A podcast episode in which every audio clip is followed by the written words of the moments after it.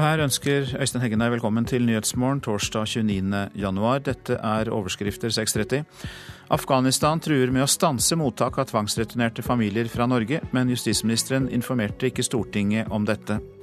Vikarbyråene gir fast jobb, men uten garantert lønn. Må stoppes, krever Arbeiderpartileder Jonas Gahr Støre. Uten lønn mellom oppdrag.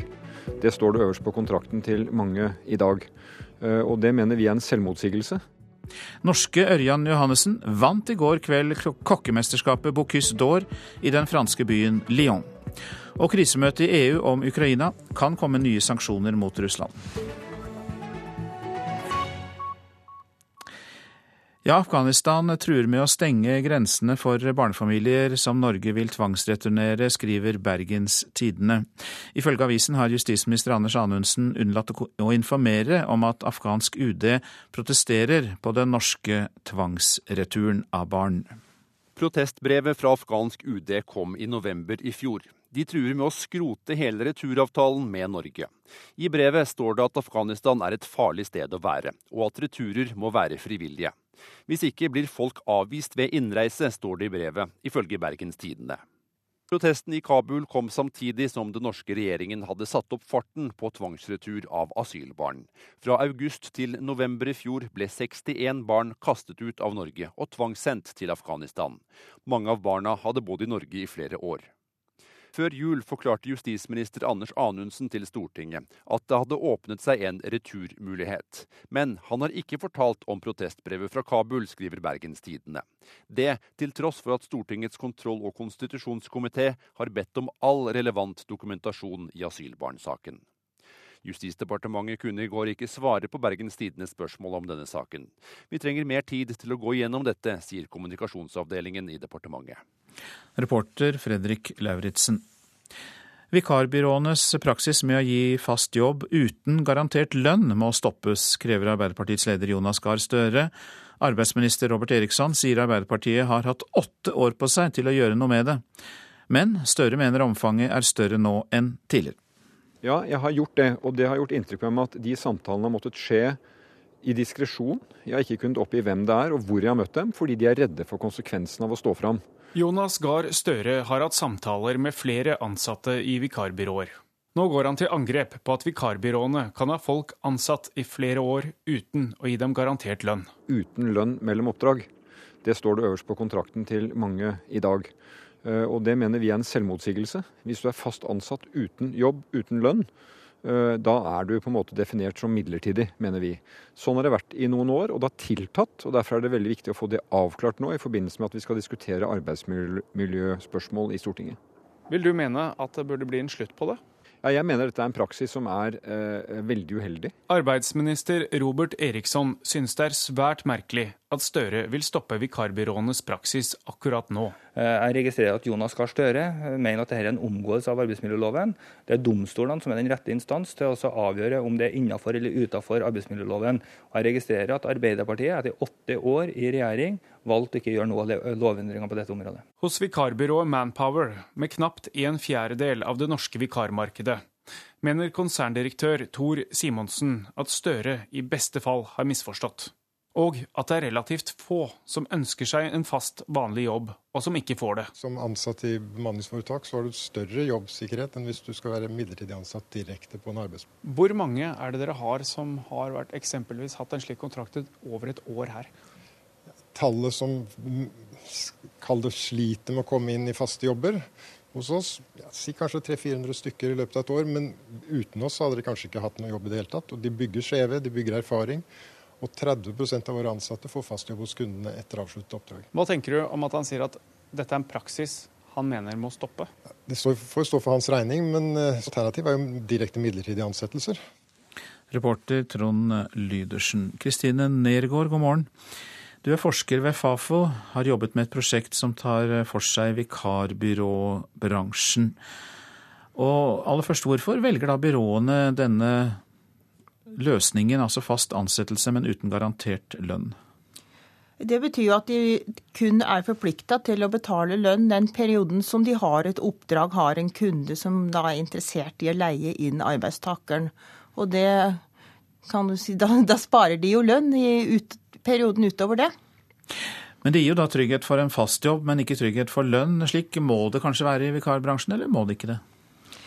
Diskuteres jo. I Sverige så har man mye mer praksis med det at du har garantilønn, altså en lavere lønn, men en lønn, lønn mellom oppdraga.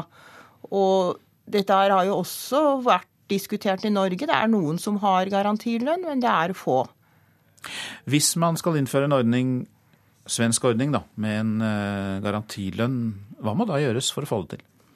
Altså Vikarbyråene, eller bemanningsbransjen som de kaller seg eh, nå, det, de ville nok da mene at du også måtte ha lettere adgang til å leie ut arbeidstakere. Fordi at i dag så er jo det avgrensa til de tilfellene hvor uh, en bedrift kan bruke midlertidige ansettelser. Sånn at de vil nok argumentere for at da må du også ha en eh, endring i de bestemmelsene i arbeidsmiljøloven. Ja, så de vil da ha et uh, større marked, lettere tilgang til eh, markedet for å kunne gå med på det? Det tror jeg de ville si.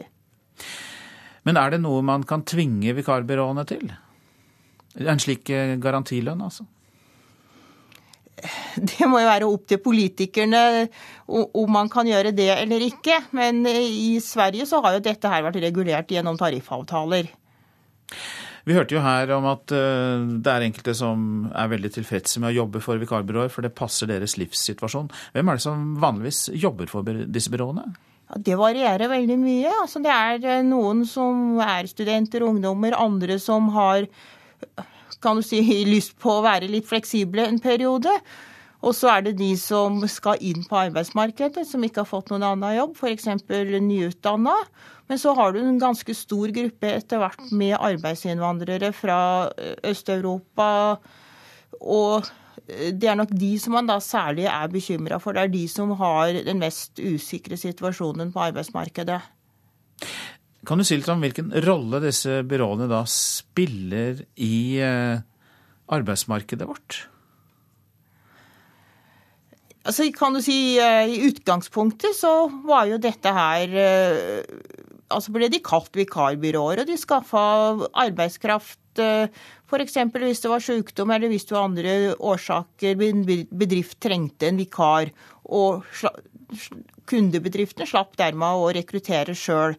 Men i dag så ser vi at i hvert fall innen bygg, innen industri og sånn, så blir det en del ordinær virksomhet som også organiseres gjennom bemanningsselskaper. Man i stedet for å ha egne ansatte leier inn. Og det er nok det som særlig har skapt uh, bekymring uh, f.eks. blant fagforeningene i de relevante bransjene. Takk for at du orienterte oss, Kristine Nergård, som altså er forsker ved Fafo.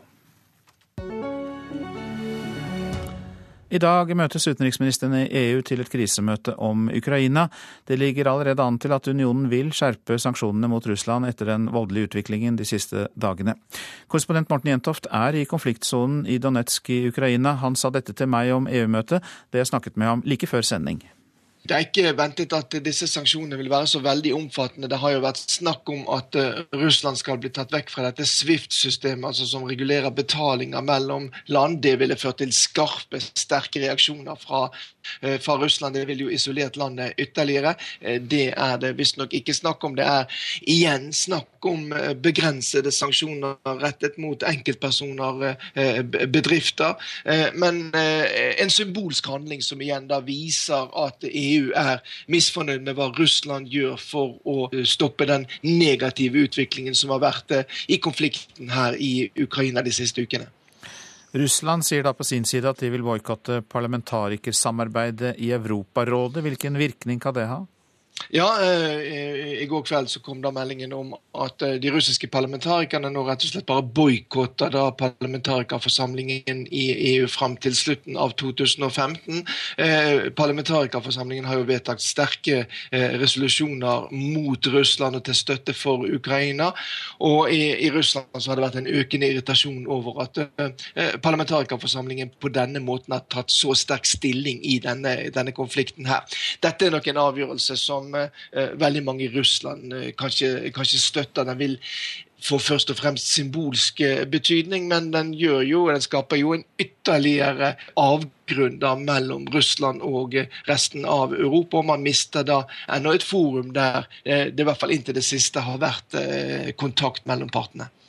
Men hvordan går det da, ut ifra det du sier, med den fredsavtalen som ble inngått i fjor? Ja, det ble inngått en, en, en fredsavtale, den såkalte Minsk-avtalen, 5.9. I, i fjor. Den henger i en usedvanlig tynn tråd, må vi kunne si. Og eh, separatisten her i Danetsk, eh, Aleksandr eh, Sakachenko, som er deres eh, leder, han sier det at man ikke lenger føler seg forpliktet av denne avtalen. Og han har jo sagt at målet er å drive Eh, de ukrainske soldatene, soldatene, helt ut av Danetsk og Luhansk eh, fylker. Og hvis man skal følge det som han sier der, da, så går det jo mot en full opptrapping av eh, konflikten her øst i Ukraina. Og det sa korrespondent Morten Jentoft. FNs sikkerhetsråd har i natt fordømt drapet på en spansk FN-soldat i Sør-Libanon i går. Sikkerhetsrådet har også krevd en granskning, men har ikke kommentert hvem som sto bak drapet. Ifølge Spanias FN-ambassadør er det likevel ikke tvil om at soldaten ble drept i et israelsk angrep. Israelerne gikk til angrep etter at to israelske soldater ble drept i et granatangrep på Golanhøyden. Så til avisene må betale 52 000 kroner for å føde på sykehus. Aftenposten forteller om et etiopisk samboerpar som må betale for en fødsel fordi moren er papirløs. Faren er norsk statsborger, men Levanger sykehus sier likevel at de følger regelverket når de krever betaling. Brudd på menneskerettighetene, sier Røde Kors generalsekretær Svein Mollekleiv. Fagfolk i Finanstilsynet vil anmelde Miljøverndepartementet for lekkasjer, men ble stoppet av ledelsen i tilsynet, kan vi lese i Dagens Næringsliv. Departementet lekket innsideinformasjon om selskapet Nordic Mining i 2013, men juridisk direktør i Finanstilsynet Cecilie Ask avviser at Finanstilsynet driver forskjellsbehandling.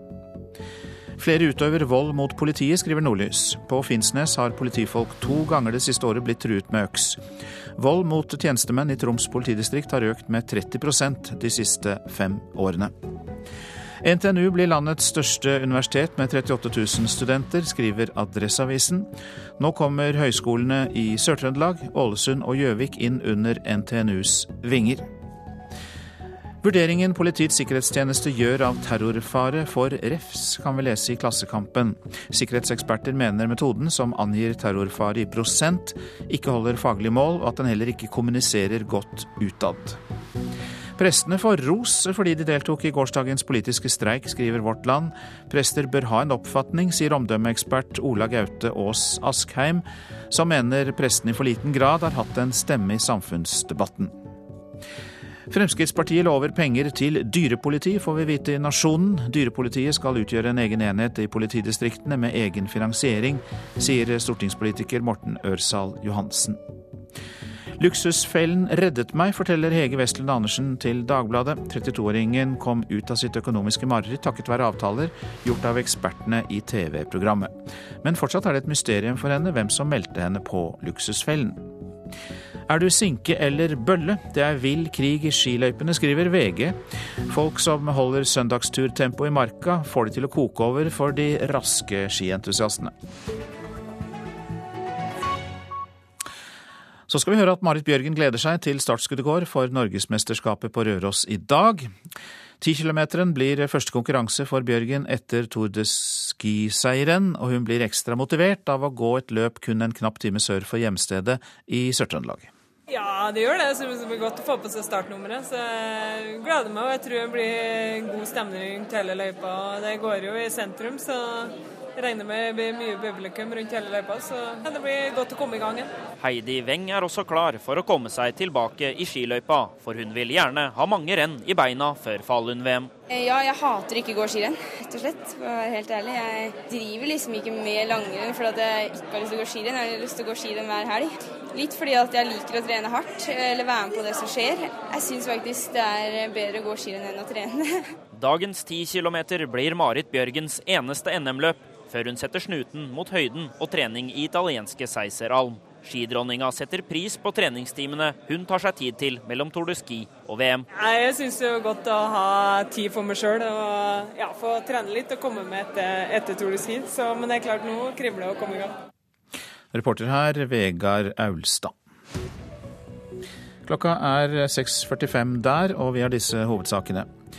Det afghanske utenriksdepartementet truet i fjor med å stanse mottak av tvangsreturnerte familier fra Norge, men eh, justisministeren informerte ikke Stortinget. Vikarbyråene gir fast jobb, men uten garantert lønn. Må stoppes, krever Arbeiderpartileder Jonas Gahr Støre.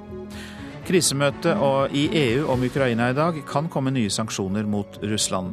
Og vi skal høre at de kinesiske eierne har skapt vekst og optimisme ved Elkem Bremanger i Svelgen i Sogn og Fjordane.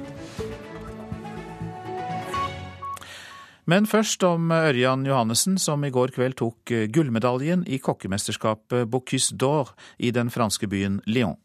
Og moren til gullvinneren fra Austevoll i Hordaland var blant de som jublet høyest. Le Bocuse d'Or est attribué à la Norvège. Eh, jeg kan nesten ikke beskrive det, for det er helt uvirkelig. Det er bare helt fantastisk. En glad, rørt og sliten mamma. Det er få timer siden Asta Johannessen så sønnen på toppen av seierspallen i verdensmesterskapet i kokkekunst Bocuse d'Or. I konkurranse med kokker fra 23 andre land gikk Ørjan Johannessen fra Austevoll helt til topps. Vi har, så du hører nå, vi har ikke stemmer igjen fordi vi har uh, hoiaen framme og alt dette her. Så vi er bare i ekstase alle mann. Hjemme i Austevoll gikk flagget til topps på Bekkjarvik gjestgiveri da seieren var et faktum. NRK møtte Eva Katrin Songstad på jobb på gjestgiveriet i går kveld. Det har vært helt utrolig. Det er overveldende, og vi har vært helt i ekstase. Og når vi fikk vite i sted at uh, han ble gullgutten, så taket reiste seg rett og slett. Det var så god stemning. Tidligere Bocuse d'Or-vinner Geir Skeie fra Fitjar kan konstatere at Hordaland er et stort kokkefylke. For seks år siden ble han Norges forrige verdensmester. Han har sin teori om hvorfor det nesten bare er vestlendinger som har nådd helt til topps. Det er jo en fra Førde og en fra Sandnes, og så har du Bent Stiansen. Han er jo nesten vestlending, men fra Arendal. Så det må jo til noen derifra for å vinne. En sindig vestlending. Jeg tror du det har med det å gjøre, at de beholder roen? Ja, jeg tror det har en del med det å gjøre. Seieren i kokke-VM vil forandre livet for 29-åringen fra Austevoll, sier Skeie. Det blir veldig masse folk som vil ha tak i han fra hele verden, egentlig. Så får vi se om kokker fra andre landsdeler kommer på banen. Reporter var Siri Løken. Kinesiske eiere har skapt vekst og optimisme ved Elkem Bremanger i Svelgen i Sogn og Fjordane. Selskapet omsatte i fjor for en milliard kroner, og det er lagt planer for store investeringer i nye ovner. Flere høyteknologiske produkter er avhengige av silisium, som blir produsert i Svelgen. Det forteller prosessingeniør Jarl Flatøy. Her ser du Silgren eh, grogods, pakka i en 1000 kilos big bag. Ser materialet ligger nedi her og glinser. Her er det stoffet som ender opp i, i iPhone. Enorme sekker med blank metallmasse står stabla på rekke og rad i en av hallene ved Elkem Bremanger i Svelgen. Det ser ut som sølv, men er høgreint silisium. Det mest ettertrakta produktet Elkem Bremanger produserer. Og så blir materialet da brukt i, i andre spennende produkter. Både i bilindustri, skuddsikre vester osv. osv. Den tradisjonsrike virksomheten i Svelgen ble oppkjøpt av den kinesiske industrikjempen China National Blue Star Group i 2011. Et oppkjøp som i mange kretser skapte frykt for dårlige arbeidsforhold, utflagging og nedbemanning. Heldigvis har ikke noe av dette skjedd. Vi er fornøyde, forteller Knut Sande, hovedtillitsvalgt ved virksomheten i Svelgen. De opplevelsene vi har er positive med kinesere. Altså. Når vi først ble solgt utenlands, så virka det som dette var bra. Vi er gode eiere, det forsikrer Arne Verge Olsen, administrerende direktør for virksomheten i Bremanger, fra sitt vestvendte kontor med utsøkt sjøutsikt. For oss har det vært udelt uh, positivt. Uh, vi har fått en uh, langsiktig industriell eier som har tilført oss forutsigbarhet. de er store på verdensbasis og gjør at vi får forutsigbar drift her. Reporter i Svelgen, Bård Siem. Både forsikringsselskaper og verksteder opplever stor pågang fra bileiere pga. bulking på glatta. Våt is og regn som fryser på bakken har ført til svært glatte veier flere steder i landet. Og eh, verkstedeier i Skien, Borgar Kittelsen, sier det har vært en kraftig økning i bulkingene. Den eh, siste tre ukene så har pågangen vært veldig stor. Og vi har nå fullbooka en måned fram. Og Hva er årsaken til det? Kun glatte is. Sideveier, bare is. De største forsikringsselskapene forteller at inntrykket er at det nå er mange saker, men har ikke nøyaktig tall for de siste ukene ennå. Arne Wold er informasjonssjef i Gjensidige. Eh, det har vært et stort problem i store deler av landet, også i Telemark, forstår jeg. Sånn at eh, det har vært stor pågang på eh, telefoner. Vi har hatt en økning på nesten 20% på telefoner inn til oss som melder skade i forhold til det som er normalt på denne årstiden. Også pga. glatta. Det er påkjørt. Den er påkjørt. Den har gått utafor pga. isen. Så akkurat nå så er det piggdekkføre. Ikke piggfritt. Men det er den perioden nå, så må vi heller la bilen stå. Og reporter her var Lorentz Berg. Det er eh, tragisk at eh, levekårene for norske kunstnere er blitt dårligere, til tross for at de rød-grønne partiene i årevis sprøytet milliarder inn i kulturlivet. Det mener kunstmaler Vanessa Baird om eh, rapporten om kunstnerøkonomi som kom i går. Her kommer det bl.a. fram at mens folk flest tjener mer og mer, så får kunstnerne mindre og mindre å rutte med. Jeg har et atelier, men det får jeg ikke brukt akkurat nå. For jeg har en gammel mor og tre barn. Og jeg jobber inn på soverommet til ungene på gulvet. Jeg har ikke noe stue. Hjemme på Sankthanshaugen i Oslo må billedkunstner Vanessa Baird tenke kreativt ikke bare foran lerretet. Så får hun høre om den nye rapporten om kunstnerøkonomi. Det er nitrist å høre at det er så dårlig. Rapporten viser at mens de fleste av oss tjener mer og mer, får kunstnere som bare lever av kunsten sin, mindre og mindre i inntekt. De seneste sju årene har inntekten deres falt med 15% det står jo dårlig til fra før for de flestes økonomi og dobbeltarbeiden og Inntektsnedgangen har skjedd samtidig med den rød-grønne regjeringa sin store satsing på kultur, det såkalte Kulturløftet. Her var et av de konkrete punktene bedre levekår for kunstnere. I løpet av sin regjeringsperiode dobla de rød-grønne kulturbudsjettene sine, men nå konstaterer Baird at Kulturløftet ikke har gjort levekårene bedre. Nei, opplagt ikke. Det er jo liksom helt tragisk. Altså, det er jo en gruppe som allerede har så dårlig råd fra før. Skuespiller Anne Marie Ottersen er enig med Baird, og mener staten har et ansvar for å la kunstnere utøve yrket sitt. Altså, Hvis du har bevist at du er kunstner, så syns jeg det burde være en samfunnsplikt at folk fikk anledning til å leve av det. fordi at eh, hvis du må gjøre alt mulig annet for å opprettholde livet, så får du ikke gjort kunsten din. For det er, som Ottersen også påpeker, mange kunstnere må finne andre jobber ved siden av for å få endene til å møtes.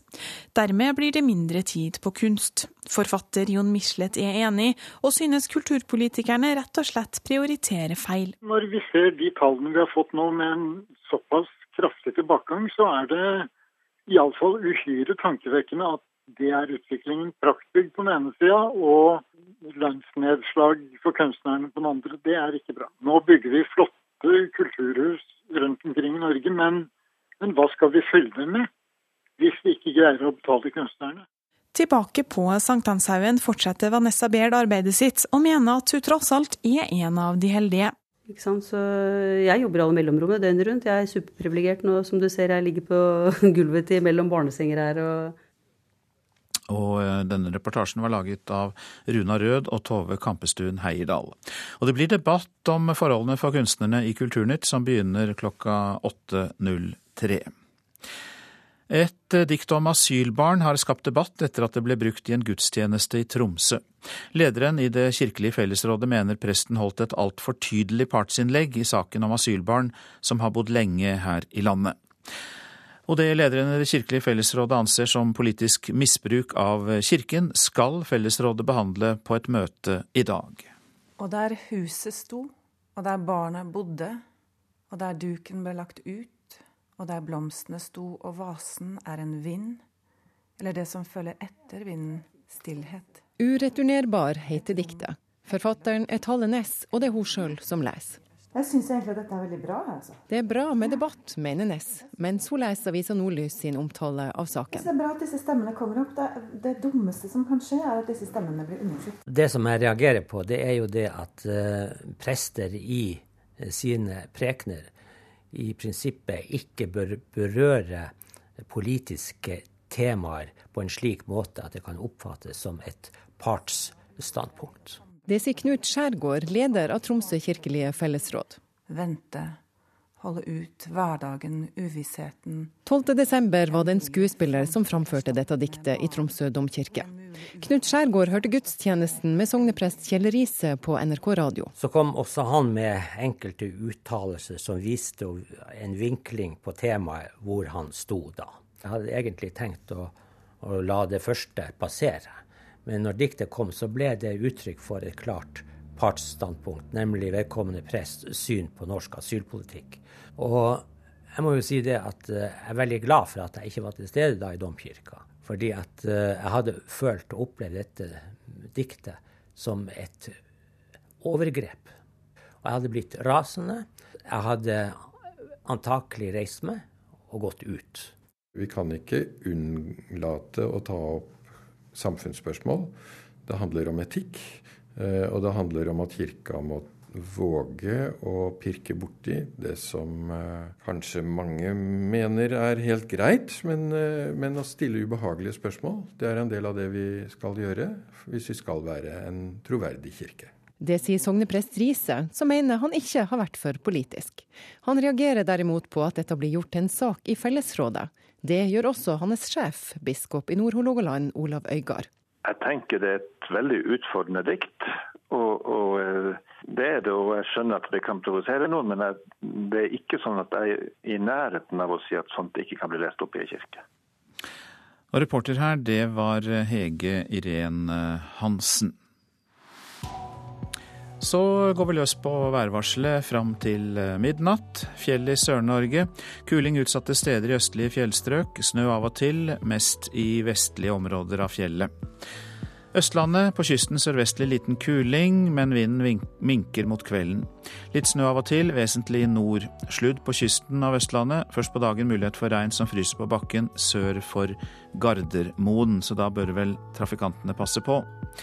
Telemark og Aust-Agder enkelte snøbyger, regnbyger på kysten, perioder med sol. Vest-Agder liten kuling på kysten først på dagen, dreiende sørvestlig i ettermiddag. Regnbyger, snø i høyden og utrygt for torden. Rogaland og Hordaland ser vi samlet. Vestlig liten kuling utsatte steder. Fra i ettermiddag sørvest opp i liten kuling. I kveld stiv kuling på kysten i nord. Snøbyger, regnbyger på kysten, utrygt for torden. Sogn og Fjordane økning til vestlig liten kuling på kysten. Fra i ettermiddag sørvest opp i sterk kuling, som dreier sørlig etter hvert. Snøbyger i Sogn og Fjordane, regnbyger på kysten, utrygt for torden. Møre og Romsdal sørøst opp i liten kuling utsatte steder. Fra i ettermiddag sørlig stiv kuling i sørlige områder av fylket.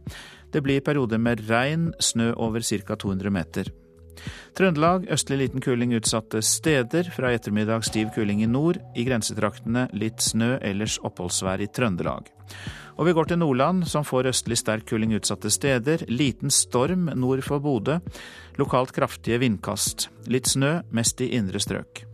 Troms østlig utsatte steder. Liten storm, litt snø i grensetraktene, ellers opphold. Finnmark østlig liten kuling utsatte steder. Først på dagen stiv kuling lengst vest i Finnmark. Enkelte snøbyger på kysten. I kveld kommer det litt snø på vidda. Nordensjøland på Spitsbergen oppholdsvær, kort og godt. Temperaturer, og disse ble målt klokka fire i natt. Svalbard lufthavn minus 16, Kirkenes minus 6, Vardø minus 4, Alta minus 5, Tromsø-Langnes minus 3, Bodø pluss 1 grad. Brønnøysund har vi ikke fått inn i dag heller, men vi har Trondheim-Værnes på pluss 5 grader, Molde pluss 2, Bergen pluss 3, Stavanger pluss 4, Kristiansand pluss 2, Gardermoen 0, Lillehammer og Røros minus 1 og Oslo-Blindern pluss 1.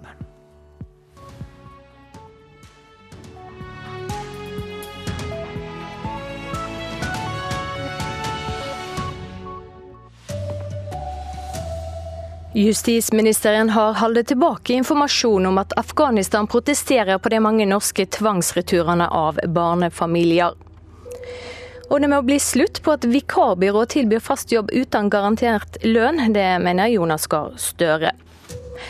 Her er NRK Dagsnytt klokka sju. Afghanistan truer med å stenge grensene for barnefamilier som Norge vil tvangsreturnere, det skriver Bergens Tidende. Ifølge avisa har justisminister Anders Anundsen latt være å informere om den afghanske protesten som kom etter at norske styresmakter tvangsreturnerte mange barnefamilier i fjor. Protesten fra Afghanistan kommer fram i et hemmeligstempla dokument.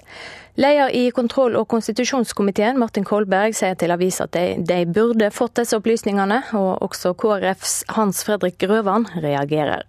Jeg opplever her at uh, dette er informasjon som uh, ikke er kommet uh, kontroll- og konstitusjonskomiteen for dagen. Og dette syns jeg er alvorlig. Dette er en informasjon som klart er avgjørende for forståelsen av hva som har skjedd i forbindelse med utsending av så mange eh, lengeværende barn i, i, Norge sammen med familier i 2014. Og Det blir straks mer om dette i Nyhetsmorgen på P2. Vikarbyrået sin praksis med å gi fast jobb uten garantert lønn må stoppes. Det sier Arbeiderpartileder Jonas Gahr Støre uten lønn mellom oppdrag. Det står det øverst på kontrakten til mange i dag. Sånn har det vært i noen år, og det har tiltatt. og Derfor er det veldig viktig å få det avklart nå, i forbindelse med at vi skal diskutere arbeidsmiljøspørsmål i Stortinget. Eh, jeg registrerer at Jonas Gahr Støre eh, mener at dette er en omgåelse av arbeidsmiljøloven. Det er domstolene som er den rette instans til å avgjøre om det er innenfor eller utenfor arbeidsmiljøloven. Og jeg registrerer at Arbeiderpartiet etter åtte år i regjering valgte å ikke gjøre noe lovendringer på dette området. Og til slutt her hørte vi arbeidsminister Robert Eriksson. Tryggingsrådet i FN har i natt fordømt drapet på en spansk FN-soldat i Sør-Libanon. Tryggingsrådet har ikke kommentert hvem som sto bak drapet, men ifølge Spanias FN-ambassadør er det ikke tvil om at soldaten var drept i et israelsk åtak. Spania krever nå en gransking av det som skjedde. Opprørsgruppa IS truer med å drepe en jordansk flyger i løpet av dagen dersom ikke Jordan slipper fri ei terrordømt kvinne. Kvinna prøvde å sprenge seg sjøl i en terroraksjon der 60 mennesker mista livet. En talsmann for regjeringa i Amman kunngjorde i går at Jordan er villig til å slippe fri kvinna, mot at flygeren også blir sett fri. Det var NRK Dagsnytt i studio, Silje Sande.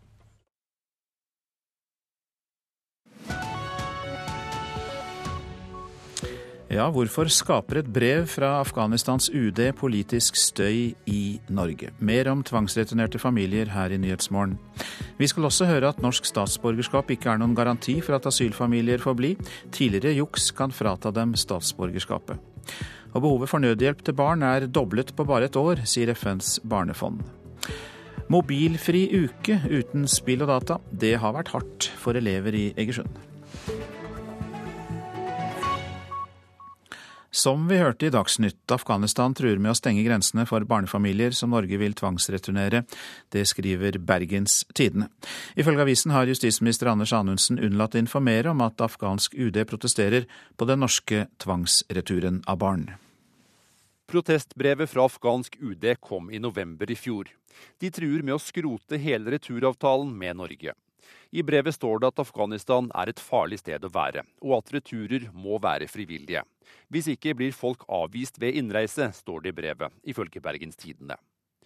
Protesten i Kabul kom samtidig som den norske regjeringen hadde satt opp farten på tvangsretur av asylbarn.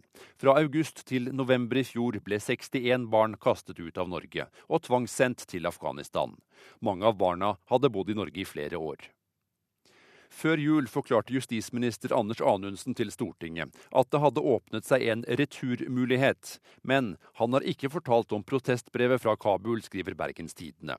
Det til tross for at Stortingets kontroll- og konstitusjonskomité har bedt om all relevant dokumentasjon i asylbarnsaken.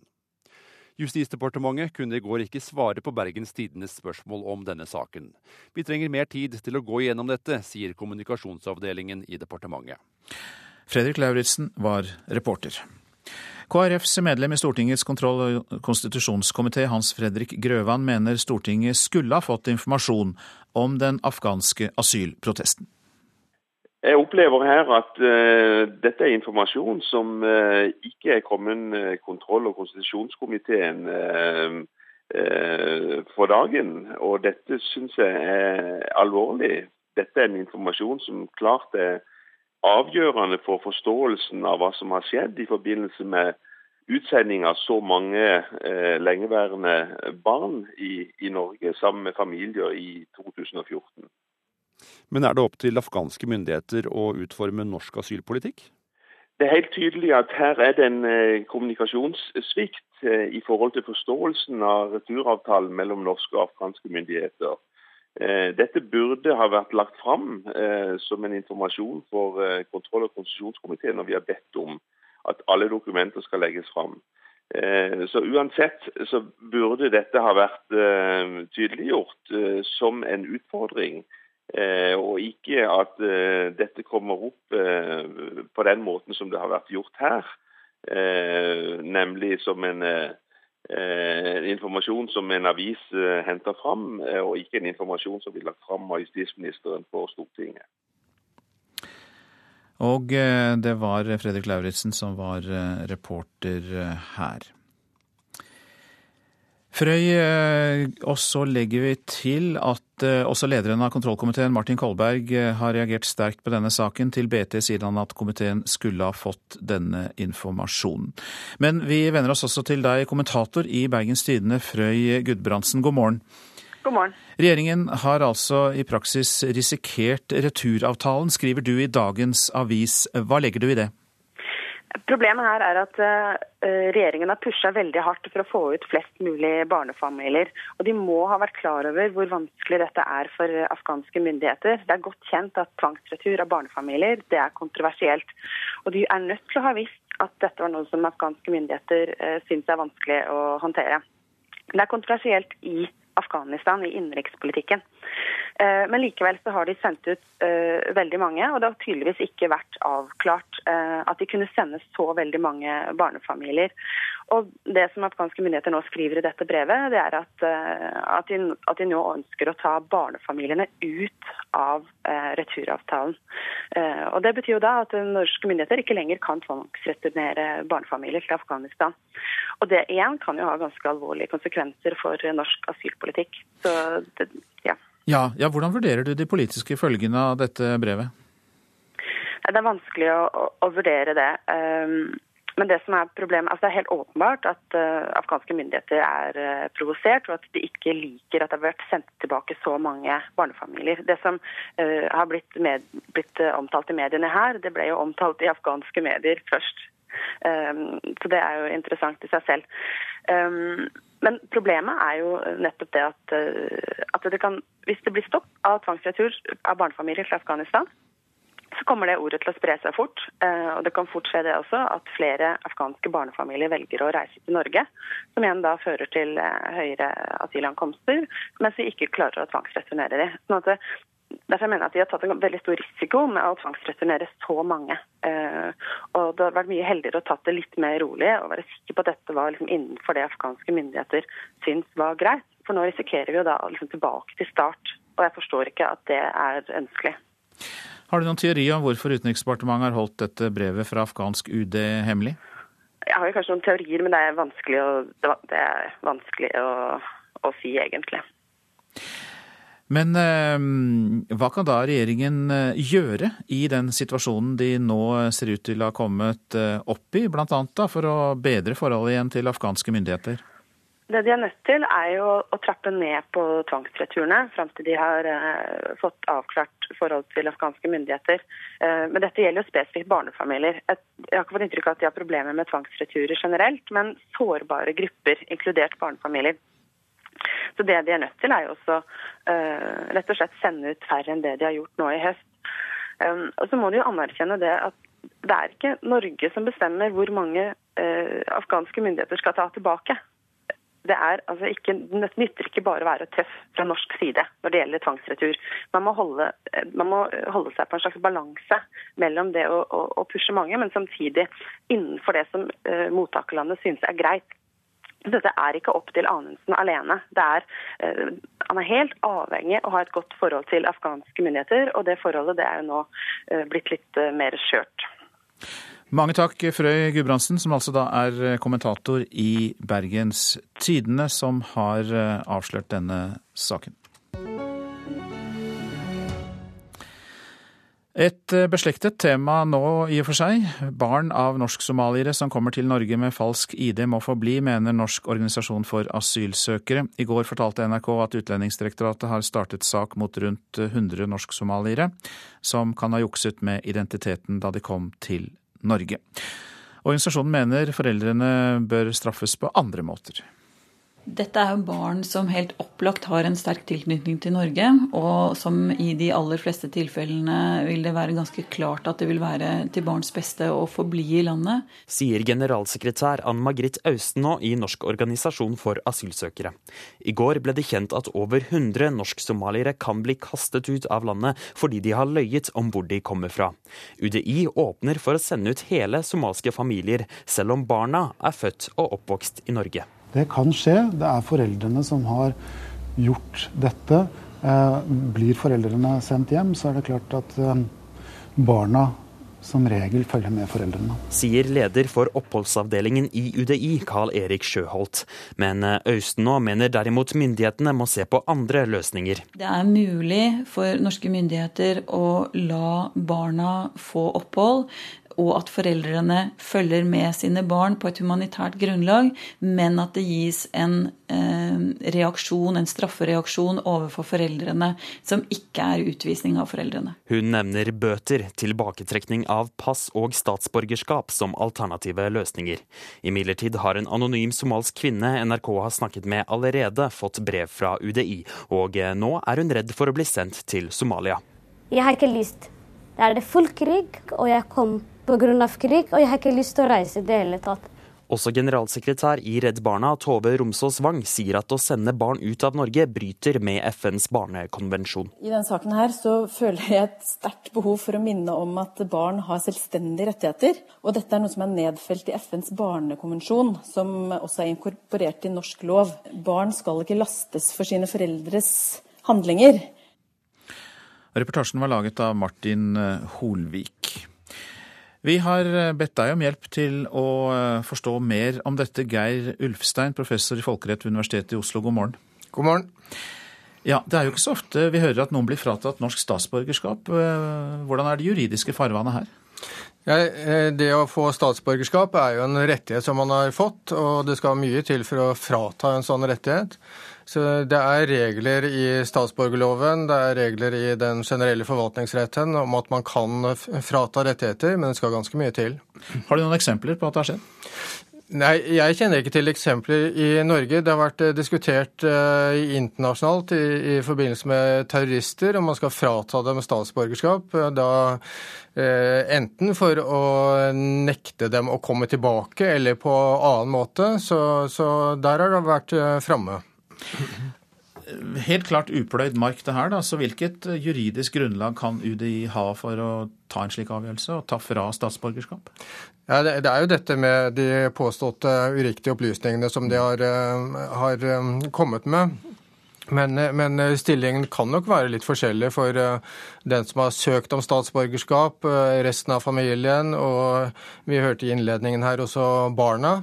Og, og dette kan jo få konsekvenser både for eh, deres stilling i norsk rett, men også det som vi hørte om eh, internasjonale menneskerettigheter.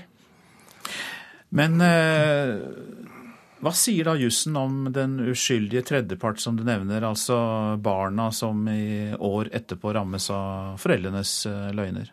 Ja, I Den europeiske menneskerettighetskonvensjonen så står det at man ikke kan utvise barn, nei, personer som har statsborgerskap. Så, så, spørsmålet er jo da om man kan ta fra statsborgerskapet og deretter utvise. Og, og, i hvert fall så kan man ikke ta fra statsborgerskapet for å utvise. Men det er jo ikke det man gjør i dette tilfellet. Men, men det oppstår den spesielle problemstillingen om barns rettigheter. Barns beste. Vi har artikkel 80 i Den europeiske menneskerettighetskonvensjonen som beskytter familielivet. Men er det noe disse personene da kan gjøre for å påvirke avgjørelsen? Altså Disse har jo da fått norsk statsborgerskap, riktignok på falske premisser, men hva kan de gjøre? Ja, Det de kan gjøre, er jo å benytte det norske rettsapparatet. Vi, vi, hører jo i disse dager om mulla Krekar som går til norske domstoler. Så det første er å gå til ja, klagemyndigheter, norske domstoler og i siste instans Den europeiske menneskerettighetsdomstolen. Og Norge er jo blitt dømt eh, et par ganger for å eh, ikke tillate barn å være i Norge, og for å ha utvist barn ulovlig. Hjertelig takk for at du kom, Geir Ulfstein, som altså er professor i folkerett ved Universitetet i eh, Oslo. Dette er Nyhetsmorgen. Klokka har passert 7.15. Eh, Dette er noen av våre hovedsaker. Afghanistan truet med å stanse mottak av tvangsreturnerte familier fra Norge, men justisministeren informerte ikke Stortinget om dette. Som vi har hørt nå, barna i somaliske foreldre som har jukset med identiteten, må få bli, mener Norsk organisasjon for eh, asylsøkere. Og Vi skal eh, seinere i sendingen høre om eh, mobilfri uke uten spill og data for elever i Egersund. Israels statsminister Benjamin Netanyahu sier at Hezbollah-krigerne som i går drepte to israelske soldater, kommer til å betale en høy pris for eh, angrepene som skjedde på tvers av grensen mellom Libanon og Israel. FN fordømmer eh, drapet på en spansk FN-soldat, eh, som da ble drept i det samme angrepet, mens Israels FN-ambassadør sier at Sikkerhetsrådet at, til Sikkerhetsrådet at de ikke vil sitte stille og se på at Hezbollah angriper Israel. Korrespondent Sigurd Falkenberg Mikkelsen, du er i eh, Libanon. og eh, Hva slags respons, hva slags svar er det da Israel kan eh, komme med? De kom jo i første gang med kraftig beskytning. Ifølge FN-tall som jeg har sett, så var det 127 granater og bomber som traff Sør-Libanon i går. Mesteparten 155 mm, så det var tungt skyts, men da av ubebodde områder. Eneste offer var den spanske FN-soldaten. Spørsmålet nå er om det kommer flere angrep, eller om begge sider føler at de har gjort nok i denne omgangen. Hizbollah-angrepet i går eh, kom jo etter at Israel tok livet av flere ledende Hizbollah-medlemmer og en iransk general i et angrep i Syria for nå snart to uker siden. Ja, og eh, det er jo en uavklart situasjon i dette grenseområdet. Hezbollah er jo også inne i Syria og slåss med Assads styrker eh, der. Hvordan påvirker det det totale bildet? Det er klart det er med på eh, alle vurderinger og gjør også situasjonen eh, mer, eh, mer, usikker her. Hizbollah vil i så fall måtte føre en tofrontskrig hvis det skulle utvikle seg med israelerne. Både mot Israel og mot syriske opprørsgrupper. For Israels del vil også konsekvensen av en slik krig nå være mye mer usikker, og de vil fort bli dratt inn i Syriakrigen. Men det jeg tror vi kommer til å se mer av framover, er uansett at det er mer urolig på Golanhøyden, altså på grensen mellom Syria og Eh, de israelske styrkene som jo okkuperer deler av Golanhøyden. Det som også er med på å påvirke bildet her, er uh, forhandlingene mellom uh, Iran og USA om, et, om atomprogrammet, som også om, innebefatter store deler av, av, av Midtøsten-regionen. Ja, Det er altså uro, trefninger på grensen mellom Libanon og Israel. Men kan det føre til en ny krig mellom Israel og Hezbollah? Det er det alle spør seg om nå. Jeg tror at den umiddelbare faren for et massivt uh, israelsk gjengjeldelsesangrep er over, siden det ikke har vært noe angrep i natt. Uh, dette Hizbollah-angrepet mot israelske styrkene virker også uh, ganske nøye kalkulert. Det er ikke mot sivile, og det skjer riktignok fra Libanon, men i de omstridte Sheba Farms-områdene. Dette er små nyanser som her i regionen tolkes som om Hizbollah heller ikke er interessert i å provosere fram en full krig. Men det er klart vi kan ikke utelukke noe som helst. Mange takk, Sigurd Falkenberg Mikkelsen, vår korrespondent, som nå er i eh, Libanon. FNs barnefond ber om 24 milliarder kroner i 2015. En ny rapport viser at behovet for nødhjelp til barn rammet av humanitære kriser er doblet på bare et år. Årsaken er at kriger og konflikter har økt parallelt med ebolautbruddet i Vest-Afrika og store naturkatastrofer.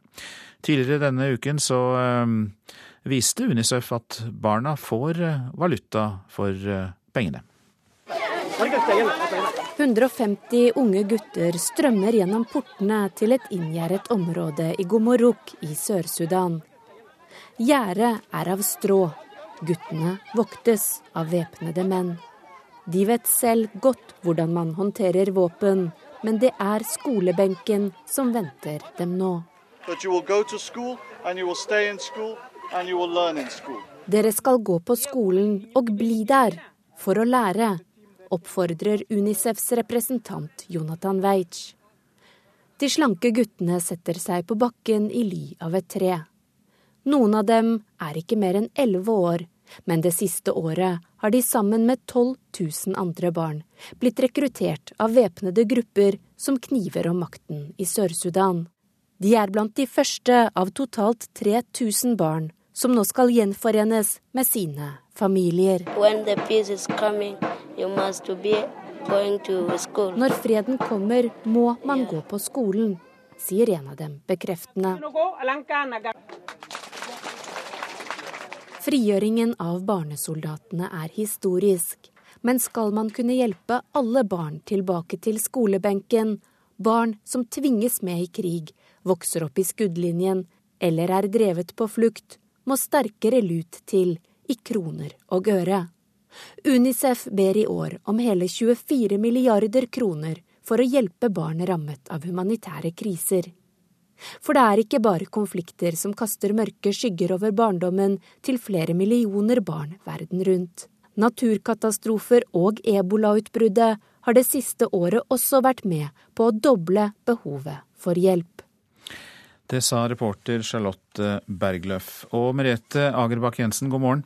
God morgen. Du er kommunikasjonssjef i Unicef Norge. Vi hørte jo en del om begrunnelsen for at dere ber om dobbelt så mye bevilgning til eh, Unicef eh, for å hjelpe disse barna. Og eh, hva er det da dere først og fremst vil bruke de pengene til? Det er eh, over et bredt spekter. Det er alt fra vaksinasjoner til skolegang til å frigi nettopp, eh, som vi hørte her, barnesoldater som er fanget av væpnede grupper.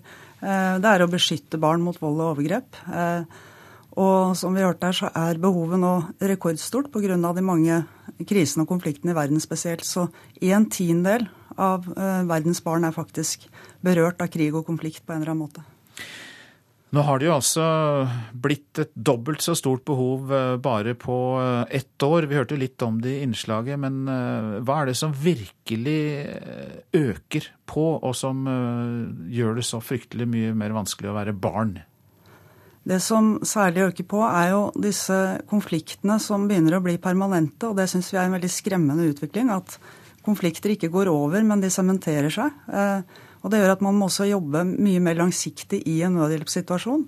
Tenke annerledes. Eh, så har vi i tillegg fått ebolautbruddet i Vest-Afrika, og så har vi fått krigen tilbake til Europa, i Ukraina, hvor masse mennesker og masse barn er internt fordrevne og trenger hjelp. Eh, og noen naturkatastrofer, flommer osv. Så, videre. så behovene er enorme, men vi har ikke lov til å gi opp. fordi eh, Ellers så kan disse barna bli en tapt generasjon i sine land. Og det er de som skal være med å bygge opp landet når det en gang i fremtiden blir fred og stabilitet. Hvilke konflikter tenker du da på, de som bare pågår og pågår og ser ut til å ikke ta noe slutt? Nei, Nå går jo Syria-konflikten inn i sitt femte år, eh, med alle flyktninger og behovene der i nabolandene. Vi har Irak, vi har Sør-Sudan, vi har Den sentralafrikanske republikk. Det er de aller største. Men vi har også store problemer i Nigeria. Eh, hvor vi ser, som vi også så i Pakistan, at barn begynner å bli mål for konflikter. Og det er en utrolig skremmende utvikling. At skoler, som var en trygg havn tidligere, nå er direkte mål for terrorister. Og det er en uh, utvikling som vi må prøve å motvirke så godt vi kan. Uh, selv om det ikke alltid er så lett, fordi det er grupper man ikke forhandler med. Mange takk skal du ha, Merete Agerbakk Jensen, som altså da er kommunikasjonssjef i eh, Unicef Norge. Så noen ord om det avisene er opptatt av i dag. Må betale 52 000 kroner for å føde på sykehus. Aftenposten forteller om et etiopisk samboerpar som må betale for en fødsel fordi moren er papirløs. Faren er norsk statsborger, men Levanger sykehus sier likevel at de følger regelverket når de krever betaling. Brudd på menneskerettighetene, sier, FN, sier Røde Kors-generalsekretær Svein Mollekleiv. Fagfolk i Finanstilsynet vil anmelde Miljøverndepartementet for lekkasjer, men eh, de ble stoppet av ledelsen i tilsynet, kan vi lese i Dagens Næringsliv. Finanstilsynets juridiske direktør Cecilie Ask avviser at tilsynet driver forskjellsbehandling. Departementet lekket innsideinformasjon om selskapet Nordic Mining i 2013. Flere utøver vold mot politiet, skriver Nordlys. På Finnsnes har politifolk to ganger det siste året blitt truet med øks. Vold mot tjenestemenn i Troms politidistrikt har økt med 30% de siste fem årene. NTNU blir nå landets største universitet med 38 000 studenter, skriver Adresseavisen. Nå kommer høyskolene i Sør-Trøndelag, Ålesund og Gjøvik inn under NTNUs vinger. Vurderingen Politiets sikkerhetstjeneste gjør av terrorfaren for refs, kan vi lese i Klassekampen. Sikkerhetseksperter mener metoden, som angir terrorfare i prosent, ikke holder faglig mål, og at den heller ikke kommuniserer godt utad.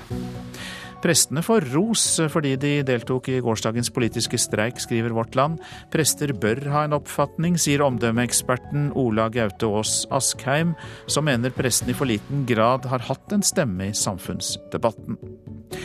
Fremskrittspartiet lover penger til dyrepoliti, får vi vite i Nasjonen. Dyrepolitiet skal utføre, utgjøre en egen enhet i politidistriktene med egen finansiering, sier stortingspolitiker Morten Ørsal Johansen. Luksusfellen reddet meg, forteller Hege Vestlund Andersen til Dagbladet. 32-åringen kom ut av sitt økonomiske mareritt takket være avtaler gjort av ekspertene i TV-programmet. Men det er et mysterium hvem som meldte henne på til Luksusfellen. En hel uke uten data og mobil, det høres jo utenkelig ut for mange skoleelever, men helt frivillig så har elever i 6. og 7. klasse på Husabø skole i Egersund data- og spillefri denne uka, og belønningen er leksefri uka etter. Jeg blir desperat. Vi pleide alltid å spille.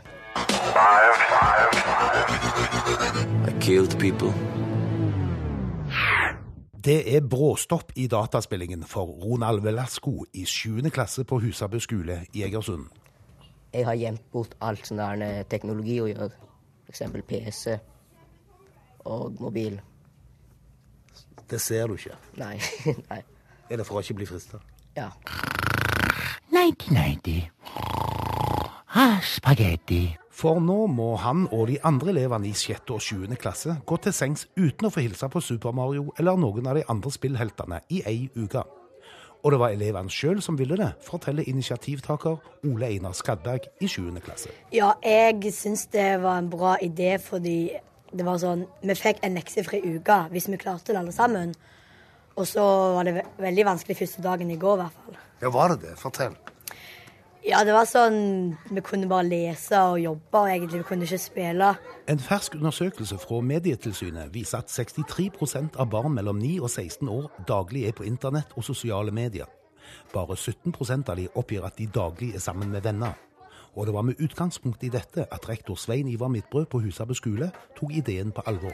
Elevene uttrykte at eh, de syntes de hadde mye lekser, at det var vanskelig å få tid til å gjøre leksen på den ene sida. På den andre sida så en, en, sånn uformell undersøkelse i klassen eh, viste at eh, de, de fikk liksom ikke hverdagen til å gå helt i hop. Og så begynte de å reflektere litt over hva de skulle ha gjort hvis de ikke hadde hatt dette. 12- og 13-åringene bruker gjerne to til tre timer daglig på mobilbruk og data. For Emma Dubland har det vært et tøft første døgn uten. Eh, det går fint. Det går fint, sier du, men du mener det ikke? Jo, men det er jo litt vanskelig òg. Hvorfor?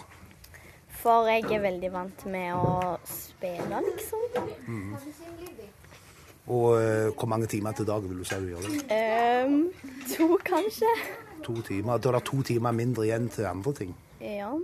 Er det sånn at du ikke får tid til lekser sånn pga. at du må spille? eller? Nei, jeg pleier å gjøre lekser med en gang jeg kommer hjem. Og så velger du det istedenfor å gå ut og klatre i trærne? Ja.